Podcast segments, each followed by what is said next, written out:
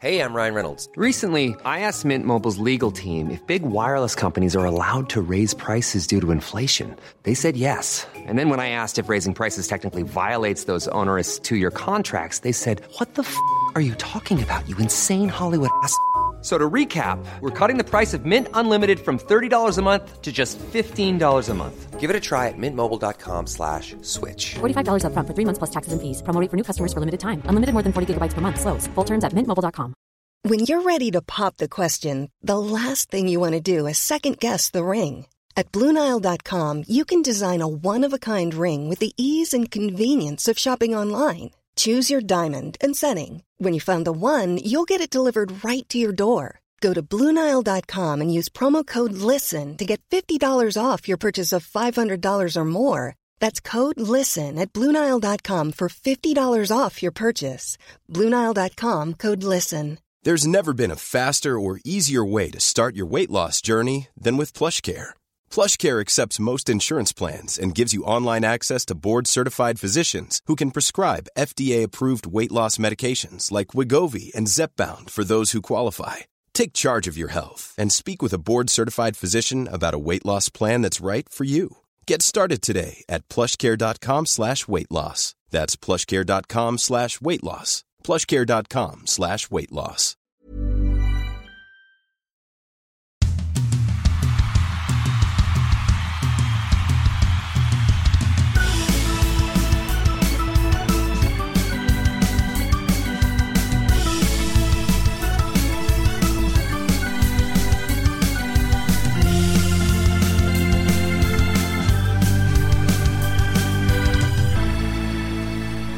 Välkomna ska ni vara till ett nytt avsnitt av Ringside. Eh, vi, vi sitter här, vi har, vi har pratat ovanligt länge innan det att vi ska spela in och i, igår så var jag med i eh, våra kollegor Jens Fjällström och eh, Lasse Granqvists podd tillsammans med Tommy Åström som är på Discovery i Sporthuset.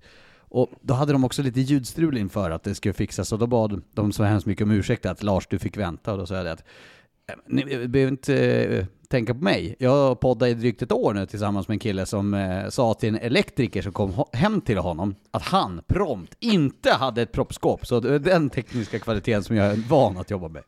Hur länge ska jag få dras med den storyn Lars? Fem år till minst. Men hur kommer det sig att du inte... Var, var trodde du propp... Eller du trodde inte du Ja. hade något bara eller? Nej men jag har ett skåp inne i, mitt, eh, i min tvättstuga eh, där det är massa knappar och så. Där var man och petade och så vart det ett åsknedslag.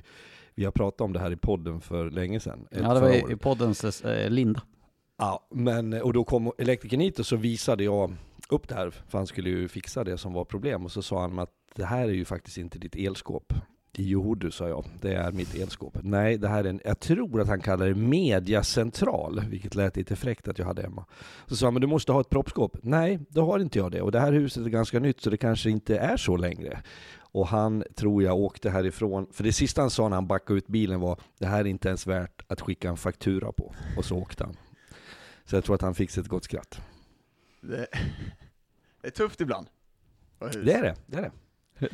Det, det var också en, en smart kollega till oss, som eh, Lasse Granqvist, som du jobbar med i studion i, ibland Fredrik, han sa det också att eh, om Fredrik någon gång använder att nu har proppskåpet gått, då kommer både han eller jag säga att Fredrik, du har ju inget proppskåp, så du får vara på din vakt om du skulle använda den beskrivningen. Jag ska vara försiktig hur jag uttrycker mig så jag inte går i fällan. Nog om det. Eh, Simor var på plats i Karlskoga igår eh, för match mellan Karlskoga och Björklöven. Eh, jag och Daggen, vi fick inte följa med. Eh, jag var ledig. Daggen, du var på Bosön. Eh, Där spelar inte Karlskoga. Såg ni när jag skickade på de som, det är så här gå, gåband på kontoren på Bosön? Är det någonstans det ska vara så, så är det väl Ja. där Det är hurtiga människor. Inte på McDonalds Men huvudkontor. Jäkla område. Jag är Mycket, sjukt mycket. Ja, men det varit är där. jag imponerad av. Jag, första gången jag var på Bosön, jag är imponerad över ja, dels träningsanläggningar men också mysigt. Alltså, jag, gillar, jag, gillar, jag gillar området otroligt mycket. Jag vet att du och Fredrik, vi pratade om, jag ville ju se de här idrottspersonligheterna, men jag hittar faktiskt ingen. Tyvärr. Nej men jag har varit där, inte mycket men eh, relativt ofta genom eh, jobbet och hockeyn och sådär, olika träffar och eh, utbildningar och sådär. Och det är ju en, det är ju hjärtat av svensk idrott på något sätt. Eh, miljön är förträfflig. Men det, det jag ska kräva dock, är att Harald ska ha en sån där gå, en, eh, en löpband när han står och kommenterar. Det är det. Ja. Håll, håller han aktiv? Så är det. Jag måste fråga också, eh, för Erik, eh, du var ju på plats och stod mellan, mellan bänkarna igår. Eh, vad Mm. tyckte du om matchen där? För jag satt ju hemma i tv-soffan och såg med en kompis. Och eh, vi fattar inte riktigt vad som hände. Alltså Karlskoga såg ju ut, eh, i den andra perioden såg de ut som att de var Pittsburgh Penguins. Ja, det var väl, tycker jag, inte någon jättebra hockeymatch mellan två lag som ändå har bra placeringar. Så, så rent eh, vad man förväntar sig, strukturen på matchen, så såg det inte så ut. Men det var ju skottmässigt eh, och så, första perioden ganska jämn. Sen kommer det där ledningsmålet med 17-18 sekunder kvar för Karlskoga och då Kajsa ställde någon relevant fråga till någon, jag kommer inte ihåg vem, man, vem hon pratade med, men ungefär som har det någon betydelse? Och jag vet att jag sen stod och han svarade nej och jag sa att äh, det där borstar man av sig. Sen, det som sker tror jag, det är 2-0 kommer eh, och då är det på något sätt som att allting som man har eh, hållit på med och pratat om i en paus, det fallerar. Och sen är det en kombination av en brutal effektivitet från Karlskogas sida. Ett svagt målvaktsspel tycker jag att det var från, från Björklövens sida. Och det blir en, en, på något sätt en mental och spelmässig kollaps. Så att hur siffrorna än kan vara så, alltså jag förstår att det är intressant eh, att spekulera kring hur kan det bli så där? Så, så har det hänt förut och det kommer hända igen och jag tycker att det är svårt att göra någon rimlig analys men bara för att enkelt summera det. Björklöven gör en oerhört svag 10 minuters period av den andra perioden som fäller dem fullständigt mot ett Karlskoga som jag tycker är 60 bra minuter. Så att eh, istället för att säga att det var fiaskosiffror för Lövens del så vill jag konstatera att, att Karlskoga eh, verkligen bevisade eh, sin höga kapacitet en solig dag. Alltså jag tycker att om man ska kolla tillbaka lite, vi var väl ganska kritiska i podden för några veckor sedan angående Karlskoga, hur, hur spelet såg ut, man pratade om den här, ja men lite att de tappar lite identitet i sitt spel, men jag tycker sen, sen Kokkonen kom in i Karlskoga och sen de gjorde, när de petade modig så verkligen satt ner foten vad som gällde för det här spelet, så tycker jag att spelet har sett mycket bättre. Jag tycker att man värderar saker i spelet på ett helt annat sätt. Man är aggressiv i försvarsspelet, men man kan också vara lugn i sitt försvarsspel och vara trygga i det, att inte gå ut och gå bort sig. Jag tycker man har en helt annan mittzonspress där man går upp i en 2-2-1 istället för att man eh, liksom kör hela tiden. Man är mycket tajtare i den pressen. Sen spelar man ut pucken, man kontrollerar utgångarna på ett otroligt bra sätt. Jag tycker man gör det hela matchen igår och det har man gjort de senaste matcherna. Och då får man också ett bättre offensivt spel. Sen tycker jag faktiskt Modigs har tagit tag och de har en första serie som driver det här spelet framåt. Sen börjar de andra kuga i också. Jag gillar Lennartsson och de här hur de spelar fysiskt och man får med sig laget, så jag tycker att om jag kollar på Karlskoga så tycker jag de ser fruktansvärt bra ut just nu, och det är ett lag som eh, mår riktigt bra. Jag tycker att både man har tagit tuffa beslut med Modig, som har gett positivt, eh, positivt för dem, och sen att spelet sitter, det är, de, de ser riktigt bra Jag tycker de här, de här topp 6 som ligger där, ser, eh, ser ut att, de har en nivå högre än vad de andra lagen har. Jag upplever ju, vilket vi också hade något, någon analys och rit på igår, att det är man vinner med 7-2, då kan man tycka att man har fått fart på offensiven, men, men det, det börjar i andra änden, och det var det Karl Helmersson också var inne på lite grann när vi pratade före match.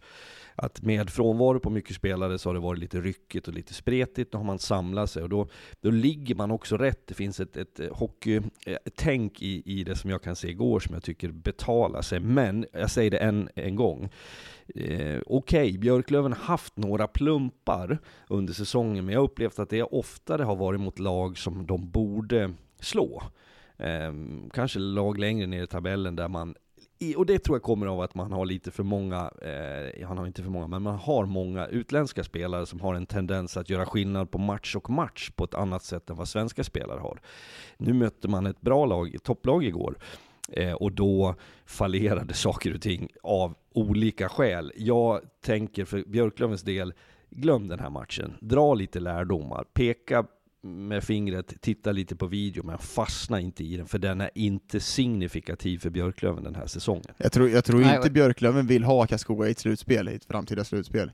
De inte har, efter fyra raka förluster. nej, men de har också mentalt eh, liksom, lite övertag på Björklöven, det syns redan innan matchen också. Jag tycker att de inte är tycker Karlskoga går ut med ett självförtroende att de ska vinna den här matchen på ett helt annat sätt än vad Björklöven går in i matchen. Men vann inte Björklöven i- när de möttes i slutspel senast? Det gjorde de. Jo.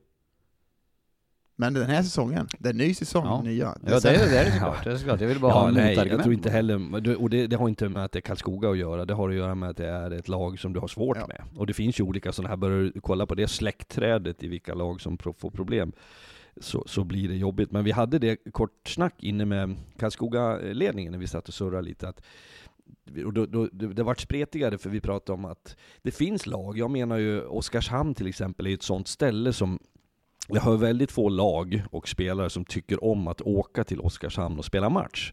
Och det är inte något eh, ogästvänligt från Oskarshamns sida på det sättet och det är inte något illa ment mot Oskarshamn utan det är avståndet. Det är en bökig resa. Eh, och det är Karlskoga också en bökig resa. Eh, och man kan tycka att vad fan, det kan man väl begära att professionella hockeyspelare ska tycka att det är lika skönt att åka till alla de här ställena. Nej men det är inte det. Det är stökigare än att ta flight från stad till stad, rulla in i en fin arena, omklädningsrummet är stort och fräscht, eh, publiken är liksom, det är fullsatt. Du, du föd, får ju något med dig av det. Det ligger bakom arslet eh, och det är eh, sånt som, som bidrar. Jag menar inte något negativt med det, jag menar att det är ett faktum och det har det varit länge och det finns det fler klubbar som har det, det sättet. Sen man pratar om, alltså det ligger ju kvar fortfarande att det har varit tufft att komma dit. Det, på något sätt så ligger det i bakhuvudet på alla spelare som kommer, ska möta Karlskoga. Det finns någon typ av, att man inte är trygg, man vet inte riktigt vad som ska hända i, i inledningen. Den ligger fortfarande kvar tror jag i många bakhuvuden på de här spelarna. Så det, det blir en, en, en, du får jobba med så mycket mer annat än bara- bara matchen när man kommer dit. Nio segrar har alltså Karlskoga på de tio senaste matcherna och eh, den enda förlusten där, då tog man också poäng. Det var mot Östersund borta när Emil Forslund gjorde hattricken, ni minns den här matchen för eh, ett gäng veckor sedan. Alltså, Men eh, Karlskoga, topp fem, topp sex har ju ryckt i tabellen. Eh, jag menar det är 15 poäng som skiljer från eh, sexan Djurgården ner till eh, sjuan AIK, så topp sex är ju klar i mångt och mycket med tio matcher kvar att spela. Hur högt ska vi ranka Karlskoga då? Jag menar nu, med tanke på att vi har en topp sex som är så pass klar i Modo, Björklöven, Mora, Södertälje, Karlskoga, Djurgården. Vad tänker ni om Karlskoga inför ett slutspel? Jag, jag säger, top, de här topp 6-lagen som ligger där, de håller en helt annan nivå än vad jag tycker de andra lagen gör. Jag tycker man ser i matcher att de har en, en högsta nivå som är högre än de andra lagen. Och jag, jag, eh, jag tycker att både, både Modo och Björklöven har en 1-2 plats i placering, sen är det slåss om de andra platserna, där de andra kommer göra upp om de här. Och jag tror att det är otroligt viktigt att få hemmafördel i en kvartsfinal. Att få den platsen. Den kommer bli, den kommer bli riktigt avgörande.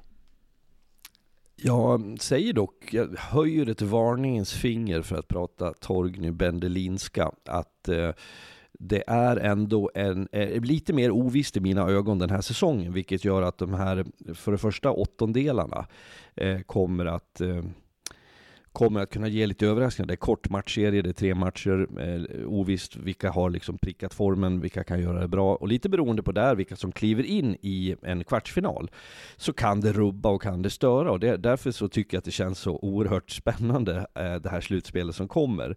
Eh, men i samma mening ska jag också konstatera att de här sex främsta lagen har ju, det räcker att titta på tabellen och poängskörden så konstaterar vi att de har isolerat sig där och är numret större. Och när man spelar över sju matcher så ska det till så väldigt mycket för att du ska välta. Så att eh, därför tror jag, för frågan var väl Karlskogas situation där, Ja. så är det ett oberäkneligt lag som trots att man har förändrat sin kultur och identitet lite grann så tycker jag fortfarande att man har det kvar rent spelmässigt. Och även om det finns och har funnits kanske en och annan som har tyckt att Karlskoga är gnetigare, tristare. Jag hade den diskussionen med Helmersson i en sitta ner igår, det här med identitet och så. Så lär jag säga att det som är grunden i det Karlskoga jag ser, alltså ett solitt försvarsspel, positionsspel, det är en väldigt viktig faktor för att vinna hockeymatcher. Eh, och det tycker jag att de eh, hanterar på ett, på ett bra sätt och det kan spöka till det för de andra lagen. Och det är ju, jag har ju varit inne på det, jag tycker Voldun Hellgren är seriens bästa målvaktspar, och har man den typen av höjd på målvakterna så kan det gå otroligt långt. Jag, får man igång nu, när Kokkonen kom in, jag tycker att det, spelet ser, eh, de, de ser ut som att ha, att de har ett helt annat självförtroende i spelet, och de, de njuter verkligen av att vara där ute, så träffar de rätt där och fortsätter så kan det gå, det kan gå långt, precis som alla andra sex lag som är där uppe. Jag tror att det kommer bli ett riktigt getingbo. Det som är det som är, tycker jag är lite intressant att följa nu, det är ju trenden, formen. Eh, vi sa det om Mora för ett tag sedan, har de möjligen prickat formen? Sen är det så många faktorer, det är lite för tidigt. Ja, då, då torskade man hemma eh, på straffar mot Djurgården. Det fanns förklaringar, Vita Hästen borta, man hade sjukdom och så vidare. Men, men så går man ner sig lite. Karlskoga har nu en, en, ett gäng bra matcher. Klarar man att hålla det här ytterligare tio matcher och in i ett slutspel? Eller när kommer den där lilla dippen? För den kommer för alla lag. Den har kommit för Modo, den har kommit för Björklöven. Och det tycker jag är en relevant faktor när, du, när ett slutspel drar igång, för det är inte bara så enkelt att allt är nollställt. Nej, men jag tycker ju Karlskoga har letat efter den, den formen hela säsongen och, och verkligen träffat rätt nu i slutet. Om man bara kollar på, jag tycker att de haft den dippen, jag tycker att det såg riktigt dåligt ut ja, innan men då ska jul. man ha det över 20. De har haft 11 matcher nu. Ja, men jag, Då ska du ha 21. men det, så som det ser ut just nu, så ser de ju väldigt bra ut, och den formen då, kan de hålla i den formen, så ser det ju bra ut när man kommer in i ett slutspel. Och Ja men det här sa du om Mora förra veckan. verkligen, jag tycker att de överlag hela tiden har, har sett ut som att de har haft ett grundspel och hela tiden jobbar med det. Mm. Jag tycker inte, jag tycker inte de har haft dippar under säsongen. De har haft några Mora? Mora, några matcher Ja. som kanske har dippat ner, men överlag så har deras spel sett jättebra ut, och de har haft en högsta nivå som är grymt. Och, men Karlskoga har haft en, de har haft en nedåtgående trend innan jul, men nu har de toppat till det sen Kokkonen kom in, som jag säger. Jag tycker att de ser riktigt bra ut. Är det inte exakt samma läge i Karlskoga i år som i fjol? Gjorde inte de en himla spurt eh, på vårsäsongen i fjol också, Dagen? Då var ju, då var ju du med i laget, så det kanske du minns? Jag kom- jag kommer knappt ihåg, det var så, så mycket då. Men jo, vi, vi, vi var väldigt starka efter jul och kom in i slutspelet med bra form. Det gjorde vi. Anledningen varför jag sa det, för jag har för mig att, att eh, Fredrik sa typ i februari att börja slutspelet idag, då är Karlskoga favorit att gå upp. Och, för, eh, Mm. och det var, jag minns det citatet, och, och därav så tänker jag att då måste man vara starkare där en period om du inte hade käkat Alvedon till frukost. Nej men det, det, nu när du säger det så minns jag det och det jag kanske uttrycker mig slarvigt för det har jag sagt om något lag nu också, men det är för att beskriva en nutida situation. Men, men bara för att kort koppla ihop det med det stora perspektivet så är det att ibland, jag kan bara prata för mig själv, så läser jag in lite för mycket av vad som sker under en fas i en grundserie. Där man eh, faktiskt har eh, möter kanske rätt lag, du vinner eh, de här två, tre matcherna som du under en annan fas förlorar när det står och väger, får du med dig, du kan inte riktigt förklara varför. Och då bygger man också upp ett, eh, det blir ett crescendo på något sätt och, och det blir en summering som är, man övervärderar ibland lag, och nu pratar jag inte specifikt om Karlskoga utan generellt. Jag menar Mora har också gjort mycket som har varit bra. Sen började vi titta igår faktiskt på de senaste tio spelade matcherna. Och då vet jag att vi har suttit och sagt att ja, men Mora har varit klart bäst poängmässigt. Men då visade det sig att Karlskoga var före, Södertälje var före. För att de hade då sen Mora en förlust i, i Norrköping. Eh, och så tajt är det. Så att jag, jag tror att man lurar sig själv ibland i, för att man får ögon som fastnar på ett visst lag och man hittar någonting som man gillar där. Men bara för att säga det med ärligt uppsåt, det är vidöppet i mina ögon om många positioner just Men nu. det, det, om man bara ska gå tillbaka till eh, man kollar Mora och Karlskoga, så har ju de en solid defensiv som har suttit. Och den, den tror jag är, den, den är svår att ändra på när man ska gå in i ett slutspel. Har den funnits så finns den. Och den, den tror jag, det är ju den som är viktigt när man kommer in, för det, det är den som vinner mästerskap också. Det, jag tror inte du kan gå in med ett, jag tycker Björklöven har ett bra försvarsspel också, men det, det, den måste du sitta för att gå in. Och det tycker jag de här har haft under en längre tid. Och då kan man säga att de, har en bra, att de är bra på det här. Eh, sen kan man kolla på trender och allting, jag förstår vad du menar Fredrik, men jag tycker någonstans att man ska på riktigt bara se att ja, men just nu så det ser riktigt bra ut och man ska verkligen få den credden också för att det ska se bra ut också. Jo, absolut, men det är ju det är en medial grej. Jag tror inte, helt ärligt tror jag Helmersson igår när jag sa till honom när vi satt satt och surrade att ja men ni är ju bäst de senaste tio matcherna. Jaha, är vi? Det är ju inte liksom, som, som tränare sitter du inte och tittar på det där på det sättet, utan du går på en känsla vad du får ut av ditt manskap, du, du paketerar, klart att poängen har betydelse, men man ser det inte i de här korta avsnitten. Det, det är ju vi som gör det för att det är liksom i ögonfallande tydligt, det slår medialt, vi pratar powerplay-siffrorna, nu har Björklöven haft sista fem matcherna 45,45%. Wow, säger vi. När jag säger det till Stråle och de så säger de Jaha, Det är ju nästan mål på varannat powerplay. Där. Nej, det där har de Mm. koll på. Jag, jag, alltså jag, sten... Jo, jo, alla spelare Nej. har koll på det. Jag vet... ja men du är inte, jag, jag, när jag varit Stråle spelare, Nej, jag när säger... jag varit Karl Helmersson Jag, jag, säger, spelare. jag säger fortfarande, om det går dåligt för ett lag, så har man stenkoll på det. Du jobbar i fem matchers perioder, du jobbar allting, här tio matcher, du jobbar ja, men slutspelsperioder. går, det, går det dåligt Nej, för de här två men jag, lagen? jag tror att de har stenkoll på det. Jag vet att man har stenkoll på det. Nej. Jag, Och jag, jag, jag är ju team Daggen här Fredrik, jag är ledsen, men är det någonting som eh, folk försöker göra sig dumma på, det är ju typ, eh, ja, till exempel om vi ska ta Viktor Stråle, att han inte har koll på powerplay-statistiken. Han är ju en person som, eh, som lever mycket i Sportlogic. Han vet exakt vad de har för statistik Nej, men, på det ena och det nej nu, nu, nu, nu, det här får ni faktiskt eh, ha förståelse för att du, du, ingen av er har varit tränare. Nej. Det, det här är så här, det här är fans, eh, supporter eh, och kanske vissa spelare som använder siffror som är gynnsamt för en själv. Som tränare kan du aldrig bygga framgång över tid på fem eller tio matchers siffror. Det är klart att de är relevanta i en tendens och en utveckling. Men du, du, du pratar inte det som avgörande faktorer vad du gör i delar. Det- Du vinner aldrig någonting på att du delvis är bra. det säger... Eller på att du... Nej, jag, jag köper Ja, jag inte det säger Fredrik. Ta det, ta det Ja, men då, får snacket ni med... först, då får ni först reda ut, för nu är inte ni överens. Nej, men ni jag säger så här. och höll om Jag varandra. säger så här, jag säger inte att man bygger någonting på det. Jag säger Nej, att man men har koll på om det. Du har koll Ja, på vilka som är bäst de senaste tio, vilka som är bäst de fem senaste. Du har koll på former, du har koll på ditt powerplay har gått de senaste tio matcherna, vad som är faktorer som gör det bra. Det har de stenkoll på. Och har du inte koll Jag på tror det, inte att... då tror jag att du är illa tror, nej, men alltså, jag tror att du blandar ihop två begrepp. Du blandar ihop siffror och prestation. Nej. Jag tror inte det spelar någon roll idag. Alltså kolla, kolla på, all, alla lag har en egen statistiker liksom. De här siffrorna, de, de, de får matat de här hela tiden. Ja, och nej, Viktor jag Stråle och de, många av de här, Viktor Stråle är den som jag tycker mest refererar till Sportlogic-siffror när man pratar med honom, att de har vissa parametrar de bedömer. Och, och Ja, jag tror jag inte tror på för fem öre att han inte vet om vad de har för powerplay-statistik. Ja, jag, jag, känner inte igen det, och då får ni ha någon form av respekt för att, att eh, ni inte... Vi frågar Viktor imorgon.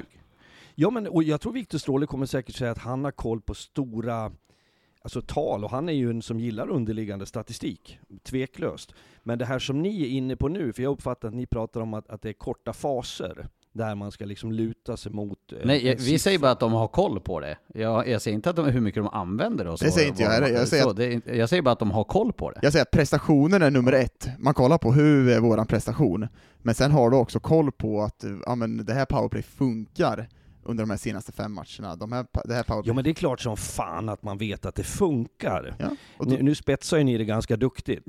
eh, men huruvida siffrorna är, eh, som jag hade som exempel, senaste tio matcherna, om ett lag har tagit eh, 26 poäng eller om det andra laget har tagit 25 poäng. Tror ni på fullt allvar att man sitter och tittar på vad de andra har för siffror i förhållande till mina siffror när det pratas om korta faser? Nej. Det har jag inte Det sagt. är ju det ni säger. Nej, jag sa att jag, eh, det, det jag Det tycker är precis det Nej, det jag säger är att de har koll på sina egna siffror. Sen hur de använder dem inte, det har inte jag svarat på. Det de gör, de har koll på sina egna grejer. De vet exakt det enda de utvärderar är ju det, de här siffrorna. Alltså, det är inte det enda de utvärderar, för jag, nu formulerar jag mig slarvigt. Men de har koll på siffrorna, det är det vi säger Fredrik. Ja, jag, jag, jag förstår inte. Det här är inte rugby. Det här är inte några skyltar som, eller amerikansk fotboll. Det Nu, kommer nu liksom blir inte Fredrik i- Söderström eh, Johan Tornberg mot Petter Hörnqvist eh.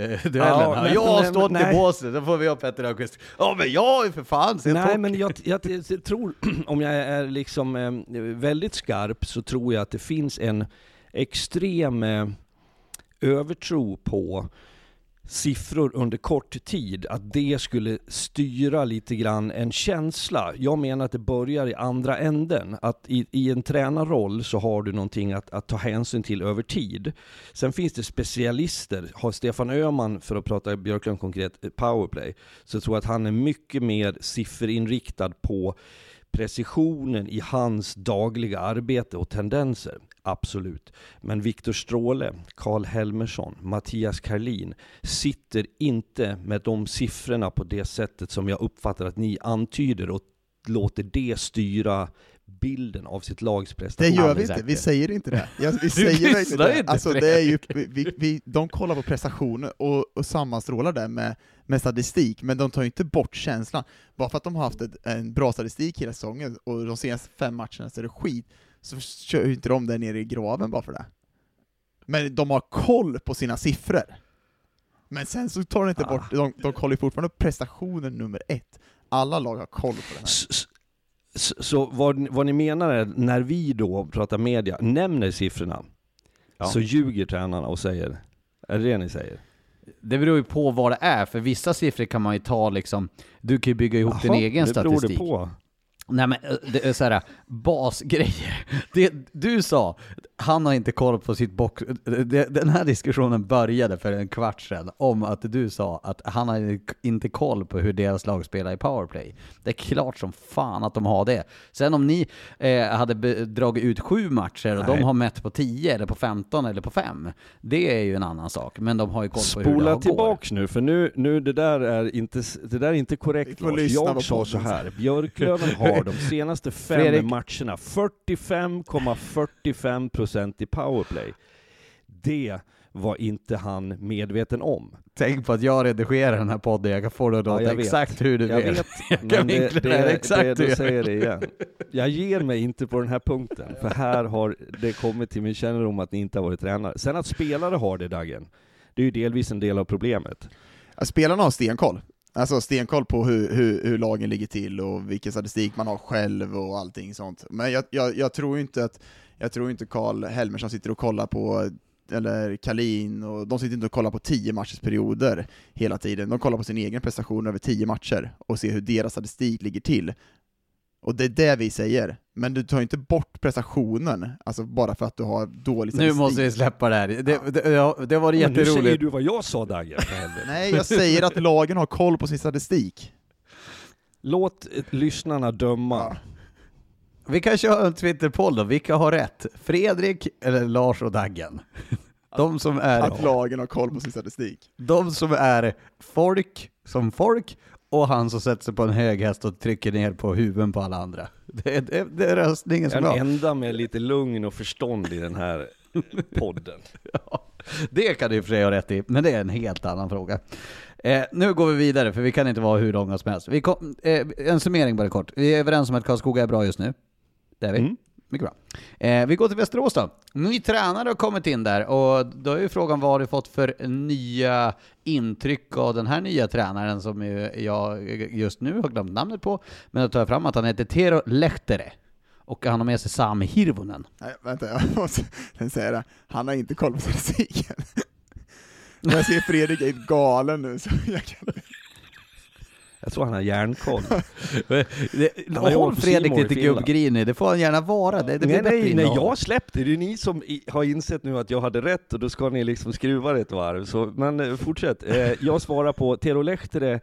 Det som jag blev väldigt eh, fascinerad över att se någon intervju och något, inte reportage, men vad kallar man det? De fick vara med i omklädningsrummet när han hade någon genomgång, så det var något, eh, det låg på, på Västerås. Ett klipp var det i alla fall. Ett klipp, ja. Någonting ditåt. Eh, så det som var nummer ett var att han var oerhört duktig på engelska. Han hade en så här Hollywood-accent nästan, vilket inte alltid finska tränare har. Eh, och jag tyckte att han, jag hade varit mer oroad för Västerås del om han hade pratat om att han skulle förändra världen på kort tid. Han pratade om att vi ska göra smärre justeringar i det spelmässiga, eh, och att man kanske ska gå in att eh, tydliggöra roller, tydliggöra spel. Jag tror att utmaningen för, för tränarna eh, är ju att välja vilka ska vi satsa på, vilka ska vi hålla i handen. Eh, det kommer ju vara utmanande, men, men första intrycket var bra. Eh, sen får vi se vad, vad, vad, vad de kan göra, för det är svårt att på kort tid förändra. Ja, det, det, man, man kommer ju inte se något direkt här spelmässigt, men det jag har hört av, jag frågar runt lite om spelare som har haft han, det är ju en de, de jämför han lite, lite som militärisk, auktoritär, eh, sätter ner foten, kvittar om du är Finne med andra ord. Frycklund eller om du är Kangas, så länge du presterar på isen så är det de som ska spela. Och det är väl precis det som Västerås kanske har saknat lite, vi har varit inne på att kanske inte har funnits någon, någon kravställande miljö i, i Västerås, och det, nu får man väl in någon som som folk säger har den auktoritära ledarsidan. Det är, väl, det är väl positivt, och sen så får vi se om spelet kommer bli bättre. Jag tycker att försvarsspelet är ju puckstirrande fortfarande, men det, det är ju något man måste ta längre fram för att få dem att både mentalt jobba med de här bitarna också. När, när de då tar in en sån auktoritär ledare, är det rätt väg att gå i, i den gruppen som jag har haft en ledare som har haft över väldigt lång tid? Nu har jag inte jag, jag kan inte sitta med ner och säga att det finns en kompisrelation mellan tränare och eh, spelare i Västerås, det har jag ingen aning. Men det kommer att bli ett annat typ av ledarskap, det är jag ganska övertygad om. Är det rätt väg att gå och ta in en sån ledare i den här truppen som är sargad? Tittar du historiskt på sådana här förändringar på tränarbänken så backar du ett antal år, ganska många år, så, så fanns det två vägar. Antingen så ställde du in en back öl och sa att nu grabbar så tar vi varandra i hand och så ska vi ha en energi och så ska vi lösa det här. Men då var det kanske också fler bärande spelare i mentalitet. Det där har ju förändrats. Ansvarsfullheten hos spelare, eh, det har ju med tiden och alltså samtiden att göra. Att idag är det fler egna företagare som spelar hockey. Att man, man eh, ser till sig själv mer än till laget. Det andra extrema alternativet då är ju någon som definitivt kliver in och, och bara pekar med hela handen. Eh, så att det finns egentligen inte så många vägar att vandra med tanke på att tiden är kort. Ska du ha något mellanting så ska det vara projekt över tid. Så på så vis så tror jag att det här är rätt. Att det är, nu får man välja och jag såg i det här mm, klippet som, jag, mm, som han var med på att han pratade om Antingen så dör du eller så utvecklas du. Det låter ju tillspetsat när man säger det på svenska och citerar det rakt av, men det tror jag på något sätt är de har inte så mycket tid att spela på, de måste plocka på sig poäng för att undvika problemen där nere. När tabellen ser ut som den gör så kan det ju faktiskt förlängas eh, om man skulle göra det bra. Så ja, det är nödvändigt. Med det sagt så skulle, ja, Dagan Sen bara den inblicken Västerås-supportrarna får med, med det medlemskapet, man kan komma in och se de här klippen som man får inifrån omklädningsrummet. Riktigt bra TV måste jag säga, det är, det är något som plus för vad de gör i Västerås, och jag tycker att de har skött den delen väldigt bra, men får vi se om man kommer igång. Men jag tror som Fredrik att du, du måste nog få in en, den typen av ledare för att få igång både Frycklund och dem. Sen, sen är det upp till Frycklund och dem. För det sätts ju ett ljus på spelartruppen här nu på ett helt annat sätt när man sparkar en tränare. Nu är det de som ska in och prestera. Och antingen så tar du flykten eller så tar du tag i det. Det är det som verkligen de här ledande spelarna måste göra nu. Eh, de, eh, Thomas Pannen fick ju sparken eh, till mångt och mycket efter dubbelförlusten mot eh, AIK, som var, ni var bevakade fredagsmatchen. Eh, och jag fick se när jag eh, satt hemma i tv-soffan på fredag kväll, notis, att Will Ferrell var på Hovet. Men inte var han med i någon intervju inte. Daggen, kollar du inte vilka som är på läktaren? Har du inte koll på det här?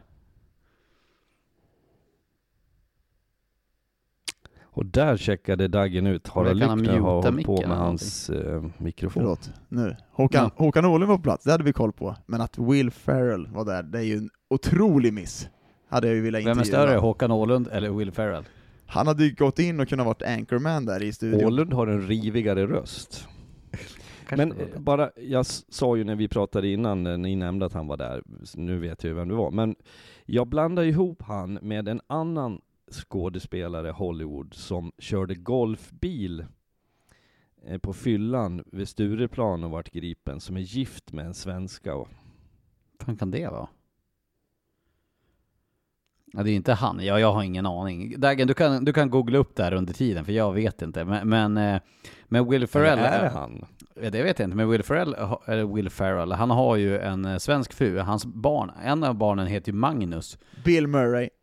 Bill Murray, ja okej. Okay. Ganska, ja, han... ganska lika ändå. Uh, ja men det kan jag köpa. håller jag med om. Ja. Och uh, båda är väldigt roliga. Lite komik på båda två.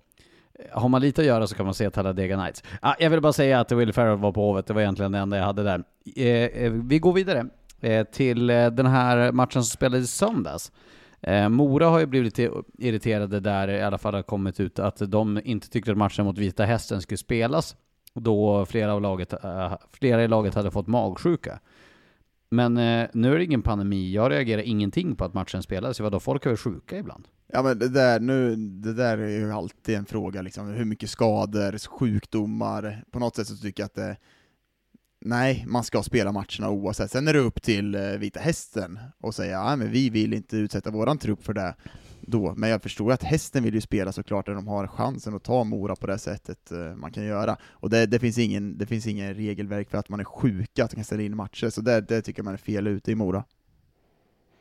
Jag tycker att det är bra att det blir en diskussion. Eh, det är inte länge sedan vi hade en pandemi där världen plötsligt blev medveten om att vi bidrar till att sprida eh, basilusker av olika slag eller vad det nu kan vara. Så att, eh, och det finns ju någon, någon gräns, i det här fallet så eh, fanns ju andra faktorer som spelade in. Det ska vi komma ihåg. Eh, Vita Hästen hade en så kallad gratismatch eller en kronas match eller vad de hade för upplägg. Och ju mer folk som kommer, ju mer pengar tjänar du eh, tack vare företagen. Så att det, det, finns ju bättre och sämre tillfällen att, att sträcka ut en hand och säga att vi spelar inte matchen. Så det tycker jag man, man, man måste ändå från eh, ligans sida hitta ett, ett bra och värdigt resonemang. Att var går gränsen innan det blir parodi? Eh, en magsjuka kanske eh, jag åtminstone skulle behöva med jämna mellanrum så man fick rensa systemet. Men det en kan detox. ju också vara, eh, ja, men det kan ju också vara värre saker. Eller det kan vara, det, det, jag tror att man man ska tänka ett varv till och jag har heller inte uppfattat det som att Mora har sagt att det var för jävligt att matchen spelades, utan mer vad, vad, vad, har vi för regelverk kring det där? För vi har alla varit i situationen med mycket skador eller sjukdomar och då, då, skulle, då ska det vara glasklart, vad är det som gäller? Ja, jag tror inte du kan sätta upp ett regelverk där det står att ja, det är 15 spelare som är borta, för då kan du hitta kryphål. Då kan lag hittas när de är skadade, då kan du hitta att de är sjuka. Du, det, det, jag tror inte du kan gå den vägen, jag tror dock att ligan ska ha ett ja, man får ju skriva det luddigare på något sätt, men du kan inte ha där du har alltså 15 spelare borta. Jag kommer ihåg vi något år hade vinterkräksjukan. Vi hade 15 stycken som hade varit suttit i bastun, fick vinterkräksjukan måndag, tisdag, onsdag, torsdag, spelade match mot AIK på fredagen som vägrade ställa in matchen. Så jag, jag, jag, det är svårt att sätta ett regelverk på det, för det, det finns kryphål det finns då. Ju... Det finns ju andra eh, länder har regelverk, jag tror att det är norsk hockey som har ett som är specificerat att det handlar om, eh, då ska det vara eh, alltså du ska ha gjort, säg 10 seniormatcher för att du ska räknas som en sjuk eller skadad spelare.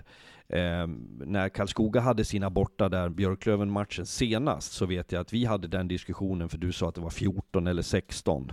Eller vad var det? Mm. Så började vi titta, då var det någon sån här som man kan, som kanske spelar en match, ett byte. Är det en, en, en spelare som man sätter på skadelistan eller sjuklistan? Så att eh, det, det, det går ju att, att tydliggöra det eh, mer än vad det är idag. Och det är det jag tror den här, det är det jag menar att det vore bra om det vart, vart klargjort. Vad, vad, vad, är det som, vad är det som gäller vid de här akuta tillfällena?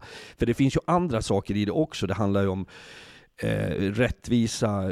Går du in i de här sista matcherna, vi säger att det är ett lag som skulle vara inblandad i striden kring ett negativt eh, streck, eh, och så säger de att Nej, men vi, vi skiter i att spela matchen för vi har några som är borta, medan någon annan ställer upp då med... Det, det, sånt kommer in, eh, och det tror jag man ändå ska ta en diskussion om. Men det som gäller är att du ska spela? Eh, jag kan ju citera bara för vad det är som gäller enligt, eh, enligt förbundet här då, för då har de gjort en artikel om det här på Mora Tidning, och där säger de det att det finns inga bestämmelser, exakt, exakt det som du sa Dagen, att man kan inte ställa in för de är sjuka, men är lagen överens om att flytta matchen, då går det att flytta den. Men då förstår jag ju Vita Hästen som då har gjort liksom ett av eh, sina större arrangemang, sålt ut till sponsorer den här enkronsmatchen. Mm. Eh, det är ju inte bara att flytta den. Och, och, matchen är ju lottad där den ligger. Ibland är det ju så med livet att shit happens. Och det, det, det tog ju verkligen Vita Hästen tillvara på om man säger så. 6-1. Mm. Ja, de var bra. De var jättebra den matchen, men det syntes också, jag tänkte på det, jag visste inte om det här innan matchstart, så var det intervju med Olle Strandell, eh, och jag tyckte att han såg så oerhört låg och eh, ointresserad ut. Så jag kände så att har de fått storhetsvansinne? Eh, och sen har jag eh, fått till mig att han har, eh, det har kommit i alla hål och kanter och har mått väldigt dåligt, han och hela laget. Jag vet att tränarna låg med feberfrossa och det var tydligen också något ytterligare ett sällskap på samma hotell som hade åkt på det här. Så att eh, någonting är ju då som, som, som fallerar. Så, eh, men det är som ni säger, ibland, ibland har man en bra dag, ibland har man en dålig dag. Så det, det, jag lägger inte i resultatet, men jag tror att för varje gång det här uppstår så blir det så här, vad är det som gäller? Klargör det. Eh, jag måste bara flika in att eh, jag har ju när tid haft 40 graders feber som vuxen och jag vet att en annan i podden har haft magsjuka för inte så länge sedan. Och jag kan säga att hade man spelat match dagen efter, då hade, då hade jag förlorat mot min dotter som inte kan, inte kan hålla i tennisracket i, i tennis. Det är inte kul att stå och bli intervjuad när man har magsjuka heller, då är man inte kaxig alltså. Nej, den, eh, det vore trist om man skulle spy på den som intervjuar den. Även om jag kan tänka mig att folk vill det ibland. Eh, nog om det. Du, eh, Almtuna åkte till Södertälje igår. Eh, och de valde att släppa av en av sina egna bästa spelare och säga att du får inte följa med på bussen hem. Och du får inte spela matchen heller, för Georg Gologovs är nu klar för Södertälje. Vad tänker ni om det? Att det är ett äh, jäkligt bra nyförvärv, jag tycker att han har varit en av de bättre spelarna i det här Almtuna. Och jag, eh, Almtuna går väl den vägen i år också, där man säljer av spelare när man får chansen, och jag förstår att, att, eh, att Södertälje tar chansen på honom, för han är en offensiv kraft i det här laget, och han kan ändå få, nu ryktas det om att eh, Luchak ska bort från Södertälje också, som de inte har lyckats med. Jag tycker att det är en smart värvning, för man tar in någon som har presterat på den här nivån innan, tycker att han står för det som eh, Södertälje står för med drivet i skridskoåkningen, kan komma in offensivt, bidra direkt i det här laget. Så intressant värvning vad han kan, om man kan ta nya lyft i Södertälje, men som har ett bättre offensivt spel också. Fredrik, tankar?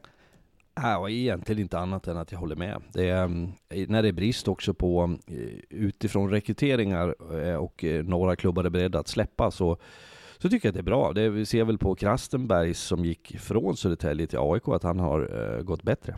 Frågan är om Olle Strandells uppsyn eh, i eh, matchen i söndags kommer att motsvara Fredriks uppsyn nästa vecka när det är dagen efter det att Silly-fönstret har stängt och transferfönstret. Jag och Dagge kommer vara eld och lågor.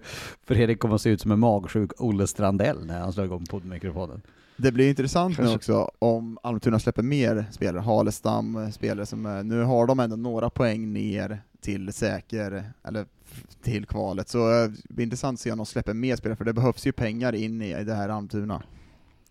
Men visst är det lite sorgligt när man ser eh, det vi får till oss från Finland och eh, då tänker jag inte på NATO-frågan utan på eh, genom att man har stängd liga, lag som går mot missat slutspel som säljer av. Alltså jag, jag får en, en dålig smak i munnen av det, att det, det man liksom viker in kepsen eh, och vad det gör. Jag säger inte att det är samma sak med Almtuna, jag vet om deras prekära situation, men jag tycker jag har sagt det förut, jag är öppen för och tycker det skulle vara spännande med mer trader och att man, man byter mellan lagen i ligan. Det, det känns som att det ändå har gått åt det hållet, men då ska det vara på under andra omständigheter och villkor än att det är för pengarna in. För det, jag tycker man tar bort lite grann av förutsättningarna för en, en jämn och bra liga. Tar bort charmen lite också. Jag håller med. Ja. Och jag tycker också, det, det som jag blir förbannad på, det är det att eh, man, eh, man man promotar för att få folk att vilja bry sig om sina lag och utan folk på läktaren, folk som betalar tv-abonnemang eller sånt, så då kan folk säga vad de vill, men då är det utan löner och då spelar du i eh, en eh, ishall med minusgrader och då tycker kanske folk inte att det är lika behagligt längre. Men man ska inte trum, eh, tumma på rivalitet. Björklöven ska inte någonsin ha någonting att göra med Skellefteå. Modo ska inte hjälpa Timrå. Eh, Djurgården ska inte skicka spelare till Färjestad. Södertälje ska inte gilla Vita Hästen och så vidare och så vidare. Det ska, sånt får man inte tumma på. Det ska finnas rivalitet i Hockeysverige, ja. Ja. Fredrik vill inte säga någonting om det här, jag vet det. Han sitter och somnar där bak. Eh, Nej, Fall... får jag bara säga en sak då? Får jag bara säga en sak då? Ja. Jag förstår ju, och jag tycker att det är viktigt för mig i alla fall, att separera vad supportrar och eh, fans har för grundläggande tanke med vad faktiskt verkligheten, det vill säga tränare, spelare, för det här måste du Dagen kunna säga att jag noterade igår till exempel efter matchen att Björklöven och Karlskoga tycker inte om varandra. Karlskoga kör över Björklöven 7-2. När jag går från studion så sitter en spelare från respektive lag intill varandra, pratar vänligt och vänskapligt med varandra. Eh, det här är fullt förståeligt för mig jag har haft perioder, perioder som tränare där jag tyckte att sånt inte skulle förekomma, men jag har insett att någonstans att människor har eh, relationer och eh, bekantskaper och eh, erfarenheter tillsammans som gör att man tittar bortom det där. Att supportrar kräver att det ska finnas någon slags konstant ilska och avsky mot varandra. Jag köper det. Men här måste vi också vara ärliga och säga att det funkar inte alltid så när det gäller tränare, sportchefer, spelare, marknadssida. Och det tycker jag är rätt. Nej, mm. det, det är såklart det finns. Sen finns det ju har man ju lag man, man känner en extra pirr. Jag vet att i Karlskoga så är det lite mer mot Björklöven, det är en rivalitet som har funnits länge, oavsett om man har, jag, jag uppskattar ju Björklöven på ett annat sätt på grund av att det finns den rivaliteten, för jag tyckte de matcherna var roliga. Sen så har ju jag folk jag känner i laget som jag kan sitta och prata med efteråt. Det är inga problem efter det, men Ja, jag tycker att den här rivaliteten är viktigt för supporterskap också, att man har den, eh, och det, det ger någonting extra i, i både till ligan, men också hur man, hur man ställer sig till, sitt lag, att man har den typen av rivalitet. Okej, okay, men vi håller kvar här vid Golokovs då, för det har vi pratat färdigt om. Eh, Videll fortsätter, igår så fick han två utvisningarna och eh, sköt avgörande målet. Eh, fortsätter att vara bra. Eh, har vi pratat för lite om Linus Widell den här säsongen? Jaha. Nej, det har vi väl inte gjort. Han är ju bra. Ruskigt ja. bra. Det säger vi med jämna mellanrum tycker jag. Ja, jag tycker vi har pratat väldigt mycket om hela Södertälje och deras, eh, framförallt defensiv, men också att Videll driver det här och att han behöver någon lekkamrat eh, på ett annat sätt. Nu tycker jag att det är bättre när han spelar med Pasic, tycker att det finns en, men då, då tappar man också lite offensiv kraft i, i längre ner i leden, så jag tycker inte vi har pratat alls för lite om Linus. Han har på något sätt varit den bästa spelaren här på senaste tiden. Ja, men det är det som brygga här, en före detta Södertälje-profil. Niklas Falk, ny tränare i Västervik. Eh, vad tänker du om det? Ja, jag hade missat, jag trodde att han stod i båset mot Mora. Men det gjorde han tydligen inte. Nej. Utan hans första match var Modo borta. Och då tänker jag så här, jag vet inte om det är uppenbart för alla, men ofta när man byter tränare så är det strategiskt genomtänkt att du ska börja, gärna kanske få någon dag extra för att träna och lära känna gruppen och sen ska du spela mot lag som du inte ska slå per automatik, men du ska ha en rimlig chans. Eh, han fick börja Modo borta. Jag, jag, jag, ägnade honom en tanke när jag såg skottstatistik och delar av matchen på mina monitorer där han igår. Han hade kunnat hoppa men, den. Eh, han hade kunnat hoppa den, gått in i nästa. Ja, eh, på, på det sättet. Men, eh, nej, men jag tycker det är modigt av Niklas Falk. Jag känner honom ytligt, jag uppfattar det som en, en, eh, en, en bra eh, person och, och, han har ju en fin hockeybakgrund så. Eh, men rent generellt så, så, är det ju en väldigt tuff utmaning. Västervik ligger där de ligger eh, och har, eh, har en tuff vår framför sig. Att då kliva på det med de förutsättningarna, det, det finns ett mod i det. Mm. Verkligen. Det enda hans uppgift är att skapa mod i den här truppen inför det stundande kval. Skapa så bra förutsättningar, skapa så bra prestationer för att man ska tro på att eh, det finns, alltså, de har, de har ju gått otroligt tungt hela säsongen, och har man den typen tufft att gå in i ett kval, men skapa bra miljöer, skapa bra träningstillfällen, skapa bra matcher och prestationer för att du kommer in lite självförtroende i ett stundande kval. För det kommer de ju spela.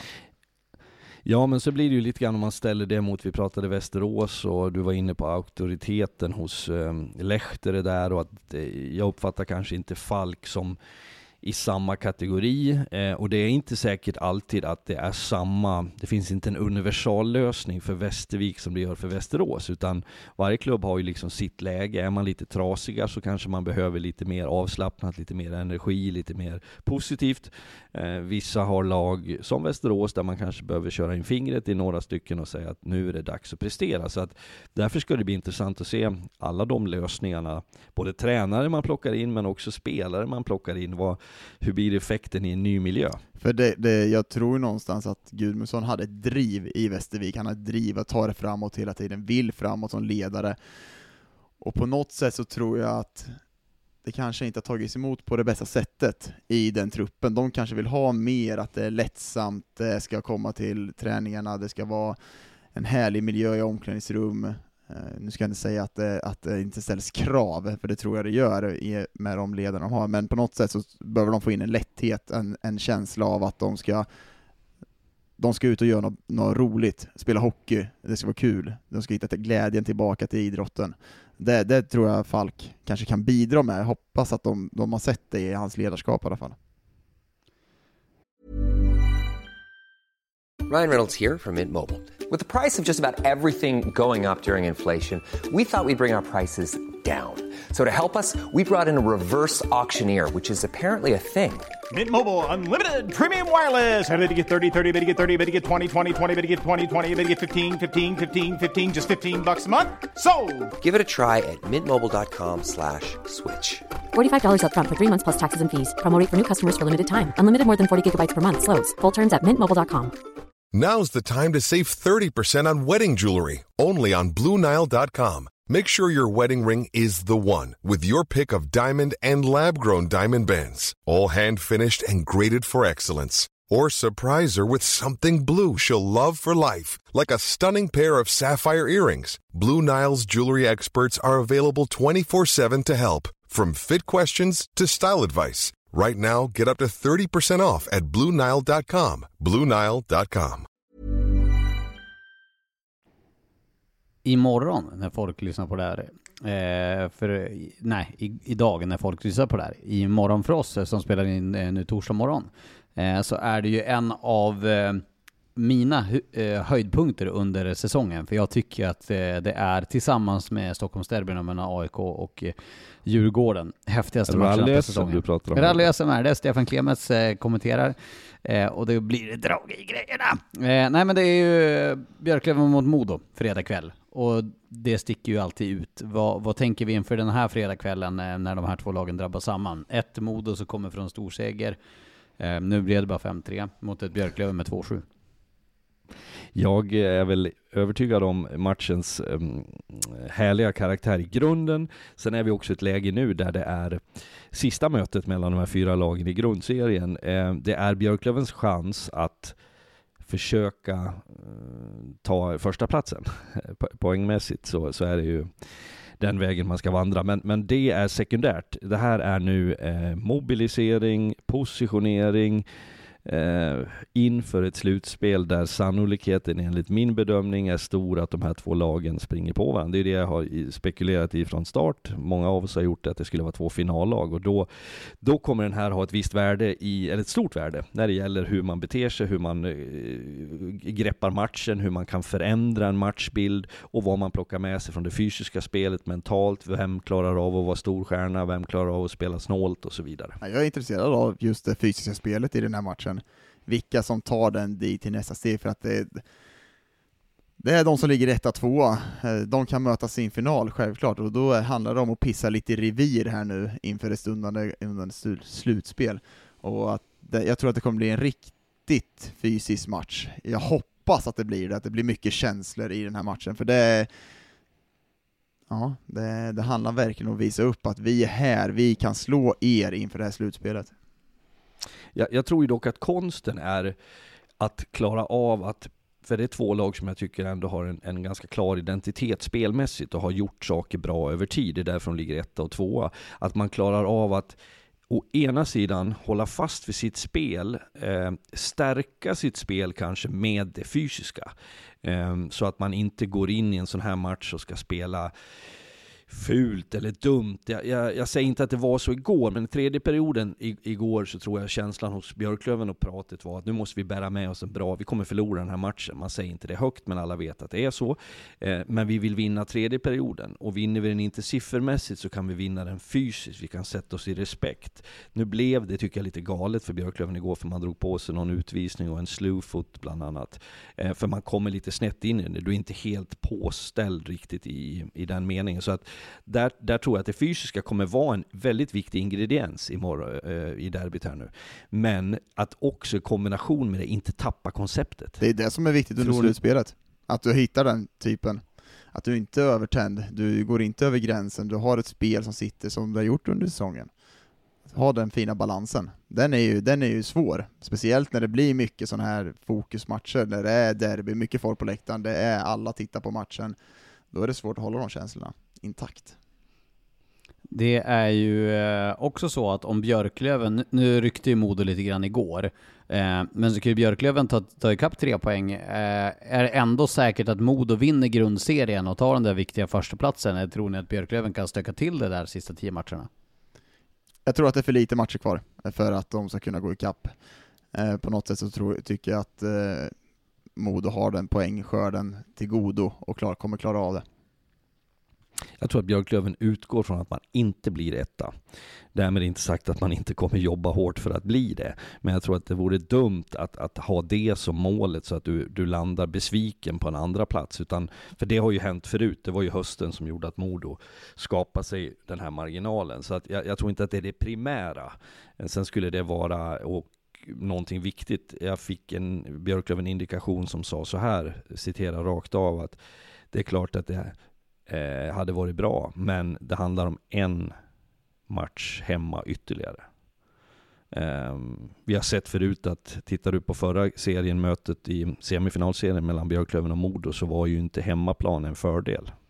Det skillnaden är ju att du får välja motståndare i både semi och kvart. Oh, det, det, är ju... det är en annan sak, men om vi håller oss till, till Ja. hemmamatcher och det så, så har inte det någon större betydelse. Den stora grejen som vi har pratat om under flera gånger är ju just det faktum att det lag nummer två får brottas med lag nummer tre, även om det inte behöver vara tabellen när den slutar, men det tredje bästa laget om man säger så då. Du får ju välja vilket, vilka två lag som ska eh, stånkas i den andra Ja, semin. Det får Precis som. HV gjorde. Ja. Och då är vi där igen med de här eh, lejonen som slåss. Eh, och det, det är ju den stora, har väl vuxit till den stora faktorn som påverkar utgången av en finalserie. Och det är ju samma, jag, jag tror ju inte att om vi ser bara, om Södertälje och Karlskoga skulle mötas, så tror jag inte det stångas lika mycket som att Södertälje och Djurgården skulle mötas, där det finns en större rivalitet mellan lagen. Jag tror att eh, till exempel när Mora-Leksand möttes, alltså den, den typen av matcher, Modo Björklöven, jag tror att du, du kan ju ändå välja de motståndare som HV gjorde förra året också, som var smarta, och som ändå se och valde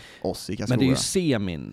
Mm. Det är ju semin som blir den, den liksom avgörande Mm. faktorn där. Det är där som det ställer till det. Men i kvarten kan det ju också bli väldigt besvärligt för de lagen. Jag menar, kollar man upp nu i tabellen så går det ju att räkna ut att det finns ju två kvartsfinaler som kommer att bli väldigt stökiga. Det där några av topp sex, de, två, de fyra topp sex lagen som möts kommer ju att få kämpa i kvartsfinaler oavsett i princip med tanke hur bra, på hur bra alla de topp sex lagen är. Mm. Ja. Sen är det ju ändå, jag bara får säga det än en gång, eh, med tanke på om vi kort återblickar till förra säsongen så trots att det var de här tuffa bataljerna mellan Modo och Björklöven som går till en, en sjunde avgörande, HV satt och, och väntade in en finalserie, så är det ett ribbskott i Umeå från att Björklöven vinner match 6 och vi kan såklart bara spekulera hur en match 7 hade sett ut, men det, det, det säger lite grann hur ohyggligt små marginalerna är och att du på något sätt ska klara av att få ihop det på ett eh, sätt i slutändan och det gör det ju så ljuvligt det här väntande slutspelet. Det gör ju det också ljuvligt för att om en vecka, eh, när vi sitter här om exakt en vecka, då vet vi vilka trupper som lagen går in med i slutspel. Och här har vi diskuterat under säsongen eh, väldigt mycket och vi, jag tror vi vet ganska mycket vart ståndpunkterna ligger hos alla här. Men vad tror ni kommer hända här då närmaste veckan? Vad, vad är er magkänsla? Och, och, och då, då, liksom, då ska ni inte bara gissa utan ni ska även försöka läsa av lite grann av det ni hör och ser och, och göra någon form av omvärldsanalys här. Ska vi kolla topp 6 så tror jag att, jag tror någonstans att Björklöven kommer spetsa sin, sin trupp med en, det säger de ju också, en center och en, en back ska in. Eh, de ska hitta den typen av spelare. Jag, jag tror inte till exempel eh, Mora kommer rekrytera något stor, något stort namn. Det, det finns inte, jag tror inte heller Karlskoga kommer göra det. Däremot så tror jag Södertälje inte kommer sitta lugnt i båten.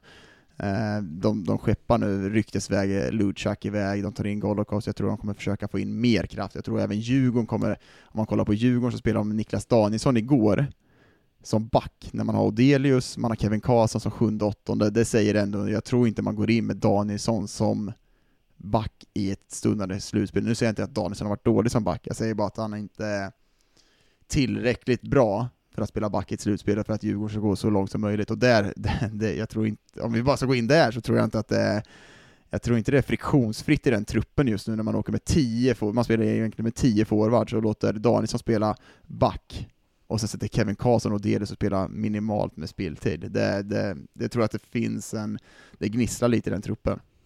Vi, vi kommer till det alldeles strax. Vi, vi, vi avhandlar eh, vad vi tror om silly season först, och så kommer vi till Djurgården sen.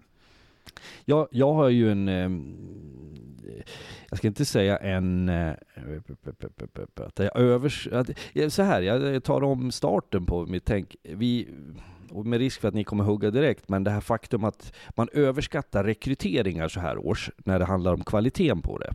Det står jag fast vid, att det finns ett begränsat utbud, det är svårt att hitta rätt, det finns en anledning till att spelare är lediga nu. Det är sällan de goda skälen. Sen kan man göra något fynd, absolut. Det som är viktigt är väl att du, du, du förlänger bänken, att du har kroppar, du kan hålla bra kvalitet på träning, att det ska vara en decent level på de spelarna du plockar in. Absolut, och det tror jag att de här lagen som på, på allvar eh, för att det, det, tror jag också, en gång för alla hävdar jag i alla fall, att det är inte 14 lag som spelar Hockeyallsvenskan som, som tänker sig att gå upp. Så ser det inte ut, det är inte ens hälften av lagen. Eh, sen kan du prata om visioner och ambitioner för att plocka in pengar och för att skapa ett intresse, men det reella eh, liksom, vi, vi går för det. De är färre, men de lagen måste göra någonting och de måste plocka in folk. Och då kollar man på Södertälje som tar eh, från Almtuna till exempel. Ja, men det kan vara ett sätt att plocka på. Det finns lite utländska namn. Vi pratade om finska ligan som har några matcher, där det är Vasa bland annat som, som nu det står och väger några dagar till. Så det kommer ju finnas en, en liten köttmarknad som du kan plocka av. Och då är det några av de här lagen som kommer att plocka på. Mora fick jag till mig, pratar, eh, jag vet åtminstone ett namn som har figurerats där, jag tänker inte säga det här och nu, eh, men att man ser över möjligheterna. Och jag tror mer att det är så här, ibland går du ut i skogen för att plocka svamp, men har du bössan med dig så kan du fälla en älg. Och det tror jag är ett relevant läge för de här klubbarna, att kommer du över någonting som du känner att wow, det här skulle faktiskt göra oss bättre. Då tror jag att du kan klara av att gräva fram lite pengar. Ja, och då kommer de skjuta på det också. Det, det kommer ja, finnas. Jag, jag, jag tror att alla lag som är topp 6 kommer ta in någon typ av spelare, det, det, det, jag säger inte att de... Jo, men de, det, som men du säger, jag tror, inte det man, omvända. jag tror inte man kommer gräva guld. Det omvända är ju att du går ut för att jaga älg, men du kommer hem med några eh, champinjoner. Det. är ju mindre bra, för att det gör liksom inte det, det du har tänkt, och då kan du skapa en, en viss eh, oreda som jag har försökt under säsongen när vi har pratat rekryteringar, att, att säga att man ska, man ska vara försiktig med det. Man ska, man ska visa en, en, en fingertoppkänsla i rekryteringar, för man ska veta vad man eh, sätter för någonting i båten. Så det gör att jag tänker att för att summera det. De bästa lagen som går för det, ja, de jobbar hårt, de jobbar frekvent. Björklöven har inte varit hetast på marknaden.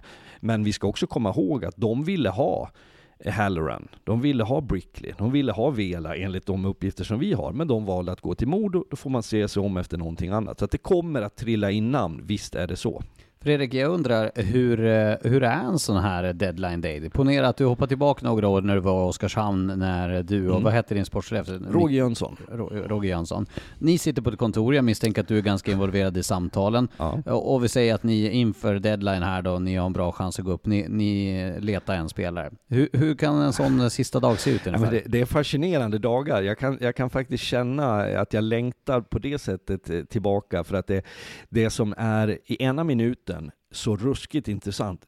Wow, är han tillgänglig? Kan han gå till oss? Bra. Du hinner tänka, han ska in här, han ska spela PP. Han kommer spela med han.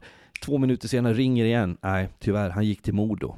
Eller Färjestad har tagit han. Hur fan kan han gå dit? Vi höll på med det här i Schweiz också, eh, med, med något som kändes bara wow. Och sen landar den i way over eh, våran liksom budget. Så att det är, du, hopp, du slits mellan hopp och förtvivlan. Men därför så tror jag, jag hoppas att tränarna, för det är de, det, det är de som liksom blir, det är ju deras knä det landar, antingen inget eller hårt.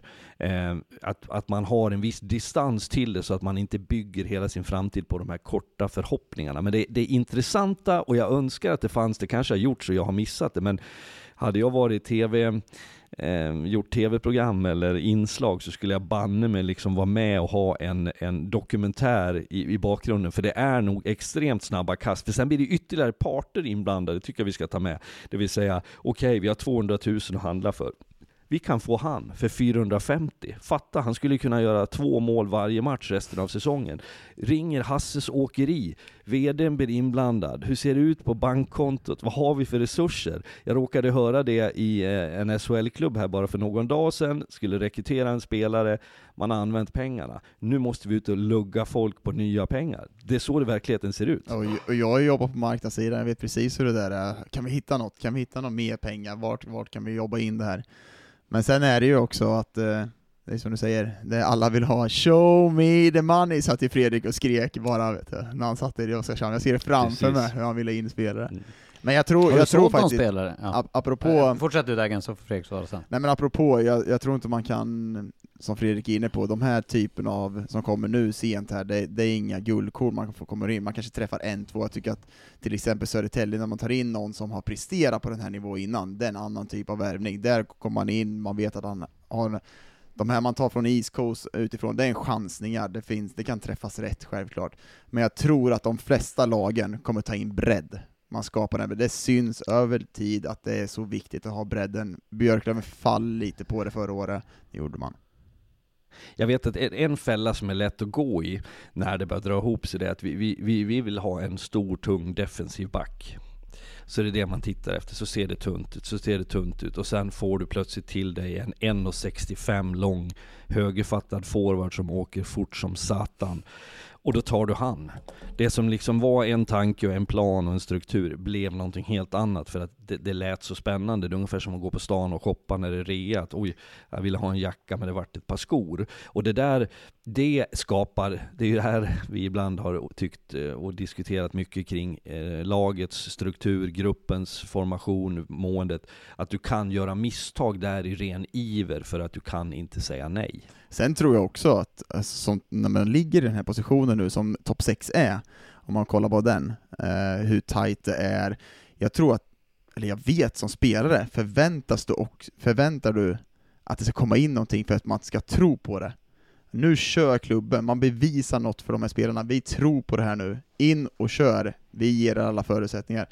Så det är, det är ändå även viktigt som klubb att visa upp att man har att man liksom vill vara med och slåss om det på något sätt också. Tror ni att, eh, jag menar Almtuna har ju nu signalerat att de försöker rädda sin ekonomi genom att sälja av någon spelare nu. Det kanske kommer någon fler. Det, det snackas om att Harlestam ska, ska finnas intressenter kring, sen får man se vad som händer där. Eh, tror ni att Vita Hästen skulle kunna vara i samma situation? Att de eh, kanske kan släppa någon spelare nu här senaste veckan? De har spelat ju tre matcher innan det transferfönstret är stängt. Då har de ju bara, bara sju eller åtta matcher kvar av säsongen sen.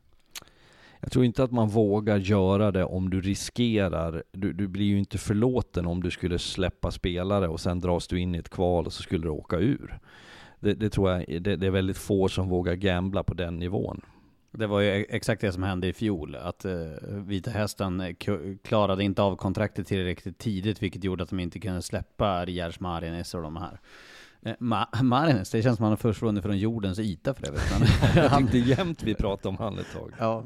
Men vin, Han är vinner, man, vinner man lite två, tre matcher här nu, då, då tror jag man börjar kolla över hur man kan rädda ekonomin, för det är ju en ansträngd ekonomi i, i Vita Hästen, som det är för Almtuna, Västervik, det är därför man har tagit de här besluten. Men börjar man förlora, då, då kommer man inte våga, för det kostar mer att hamna i kval. Det misstänker jag också. Eh, vi var inne på det lite kort, men eh, vi, har, vi har inte pratat speciellt mycket Modo eller Djurgården idag, men eh, vi har ju pra- pratar ju väldigt ofta om dem annars. Eh, bara kort med Modo så kan vi notera att Riley Woods gjorde sitt första mål sedan 30 november här nu senast och har börjat komma igång lite grann där och kanske målskyttemässigt. Vi får se om jag kan bygga vidare på den här träningen. Jag tycker fortfarande han ser stabbig och ganska orörlig ut. Han, han har liksom ingen kraft i benen. Ser Ja, men det där, det där är typiskt när det är knäskador. När han har haft en knäskada, det, det, det kommer ta längre tid. Är det en överkroppsskada så har du ett helt annat tryck, då kan du jobba med benen. Den typen av skador tar tid att komma tillbaka ifrån. Jag tror också att Modo har en eh, väldigt klar och tydlig strategi. Eh, jag tror att man har eh, ökat träningsdosen, mängden, kvaliteten på det. Man investerar, man är väldigt klar och tydlig över att det är slutspelet man bygger för. Man har skaffat sig en okej marginal, man vill inte att det ska bli allt för dramatiskt. Men jag tror man utgår från att man kommer att hålla undan. Så att jag, jag, jag tror att vi ska förstå också att det finns faktorer som spelar in i det Modo vi har sett en tid. Förutom att man också har alla nya spelare som också har rört om i grytan. Så att jag, jag tror att det också påverkar eh, prestationerna nu, att man är, man är tufft inne i det. Vad tror vi om eh, Djurgården då? Dagen, du var inne på det lite grann där, men nu är Djurgården helt plötsligt tre raka segrar. Eh, det som, det som är noterbart är ju att det kommer att bli ett race mellan, jag skulle väl säga att är Mora har möjlighet att nå Björklöven om, om de har resultatet på sin sida, men det är ju Södertälje, Karlskoga som är upp egentligen om vilka lag som blir topp fyra. Med Mora då kanske involverat, men det är 10 poäng mellan Djurgården och Björklöven. Eh, vad tror vi om Djurgården? Nej, men jag, jag, som jag sa, var inne på innan, jag, jag, tror att det inte är friktionsfritt i den truppen. Jag, jag förstår inte riktigt vad, vad man går, ger sig in i att ge den typen av Ja, men man sätter verkligen Odelius och Kevin Karlsson på bänken igår. Vad sänder det för signaler jag som spelare och spelar en forward som back, som man har gjort så länge, att det är inte direkt så att de får en självförtroende-boost inför ett stundande kval. Och jag tror inte man kommer, man kommer behöva värva backar, för jag tror inte man går in med Niklas Danielsson som back, och då har man även en forwardsbrist på det. Att inte sätta upp honom som forward och visa för Rodelius och Kevin Karlsson att de kommer spela. Jag tror att det, eh, det är mycket problem med den här truppen, eh, och det säger mig en del när, det, när man gör sådana beslut som man gjorde igår. Det, så jag tror inte det är friktionsfritt där. Jag vill nog säga att jag i, i utgångsläge så efter har varit tränare många år så vet jag att det finns så många parametrar och faktorer som spelar in i besluten och i, i varför du gör som du gör. Så att jag mm, ödmjukt försöker jag tänka att de, de ser dem mer, de vet något som jag inte vet. Jag, jag brukar tänka så, jag tycker att det är hälsosamt i livet ibland, oavsett om jag funderar varför Åke Stakkestads knä höll på att opereras men inte blev opererad så tänker jag att det, det var ju inte en busschaufför som svängde förbi och sa låt bli det där utan det var en läkare som sa det. Jag tänker också att en tränare i Djurgården, Garpenlöv och hans team har någon slags plan med sina beslut. Jag kan hålla med dig Dagen om att det för ögat känns lite märkligt. Varför spelar man inte Odelius, går in i Färjestad, spelar en match, genomför den på ett väldigt bra sätt. Men jag, jag jag är inte beredd att säga att det är eh, kaos, nu sa inte du det, men jag säger inte att det är kaos i Djurgården eller att det är, men, men, men jag tror att de söker efter svar som ska göra dem till en utmanare i ett slutspel. Om det är rätt eller fel väg, ja men det är en smaksak. Men de håller på med någonting nu, att identifiera sitt material i skarpa lägen, de prövar dem, de gör val, de gör beslut. Om det är rätt väg att gå, ja, det är jag inte helt säker på. Hade jag gjort samma, nej men jag vet ju inte, jag följer inte Djurgården, jag tränar dem inte, jag är inte där i, i vardagen med dem. Men jag får en känsla av att det de gör just nu är att försöka bryta en säsong som inte har varit tillräckligt bra. Och de vill se vad det blir för respons. De har inte så mycket att förlora. Har de det? Nej, de är ju sexa liksom. Det är ju det är tufft läge redan nu att ta sig till eh, den här finalen. De har väl lagt väldigt mycket pengar på den här truppen, eh, och det, det kostar såklart att inte gå upp eh, i SHL, som är deras mål, och där de har gått ut med målsättningen att de ska tillbaka, de ska göra en Djurgården och gå tillbaka direkt. En, H en HV menar du? Nej, de sa att de skulle göra en Djurgården. Ja, det var det som det, var ja. grejen. Ja, Eh, men, det tog ju två år då. precis. Men det, det, jag, jag, det, om man ska se något positivt, så tycker jag att Klasen ser mycket, mycket bättre, rappare i sin åkning tillsammans med Victor Nilsson och Östlund, tycker att den kedjan är ett lok i det här, och jag tycker att de avgör matcher, och det är där man vinner, vinner de här, man vänder den här lilla trenden man var inne i. Eh, men jag tror inte det är friktionsfritt i den här truppen, för det, sådana där beslut, det, det, de är tuffa att ta, och det, är det rätt väg att gå? Ja, vi får väl se, men jag tror inte man går in i slutspel med Niklas Danielsson som back. Han var ju första backpar nu till och med igår. Eh, nu spelar väl kanske inte oss på första backpar, men ah, ja, skitsamma.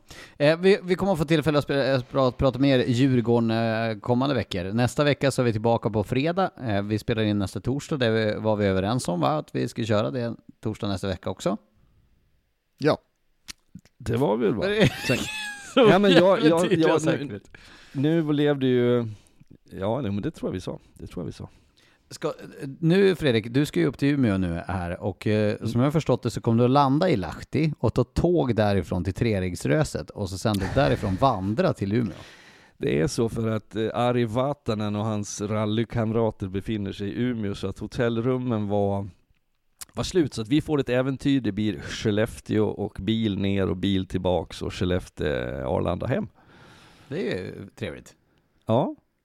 Jag hade velat, jag såg i morse på nyheterna så var han Marcus Noterius eh, Ja. i, på rally-SM. Det såg ut att blåsa svinkallt.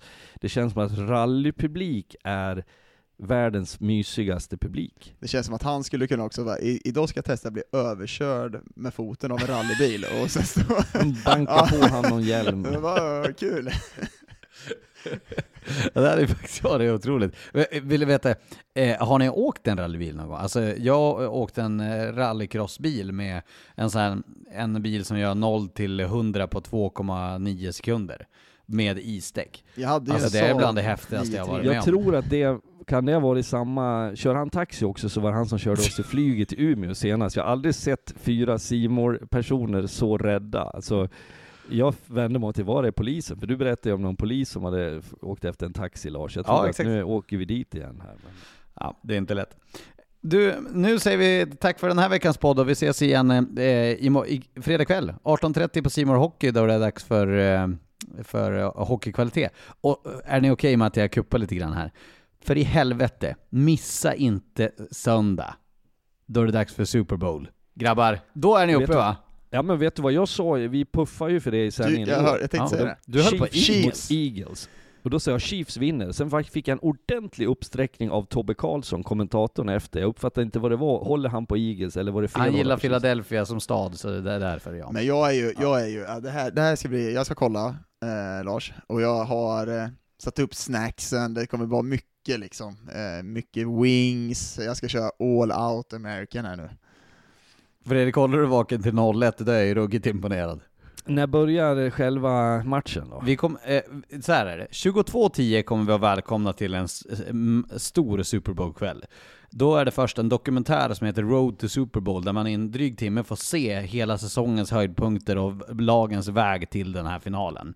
Det är eh, världens dyraste tv-produktion som har gjort den här dokumentären. Den är inte skitdålig, det kan jag säga. Jag har redan sett den. Den är väldigt bra. Så om man vill se det, men är man med sina kompisar kan man ju ladda upp dem med lite käk och sånt. 23.30, då öppnar vi upp studion.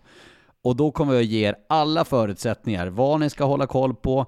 Det kallas för Kelsey Bowl, det är första gången någonsin som ett brödrapar möts i Super Det Bowl. har Du jag har ligans största stjärna, det bästa laget från ena sidan mot det andra bästa laget. Eh, Rihanna i halftime-showen. hörde du när Tobbe Karlsson sa det till Harald igår? Att det är Rihanna som Han det Harald. Och då säger han snabbt, ja det är viktigt med uppspelen nu från, från Björklundens sida. Han, han gick vidare omgående Ja, det vill man inte höra talas om. Ja, det hade varit kul. Men eh, nej, det, det får ni inte missa. Vi håller koll. Det är en av de sportsliga, eh, sportsliga höjdpunkterna på året och det ska bli för jävla roligt. Med det sätter vi punkt på den här podden hörni. Eh, hoppas ni får en fin torsdag, ni där hemma får en fin fredag och helg. Eh, ta hand om er. ACAST powers the world's best podcasts. Here's a show that we recommend. The Real Housewives is a guilty pleasure for most, but if you're looking to not feel guilty about that pleasure, tune in to Everything Iconic with me, Danny Pellegrino, where I break down all the messy moments and behind the scenes antics of Bravo's popular franchise. And on Everything Iconic, I also interview celebrity guests like Kelly Ripa, Kiki Palmer, Drew Barrymore, Cameron Diaz, and more about their guilty pleasures, their past work, and so much more. So if you're pop culture obsessed and find yourself watching way too much reality TV like me, tune in to Everything Iconic with Danny Pellegrino wherever you listen to podcasts. ACAST helps creators launch, grow, and monetize their podcasts everywhere. ACAST.com.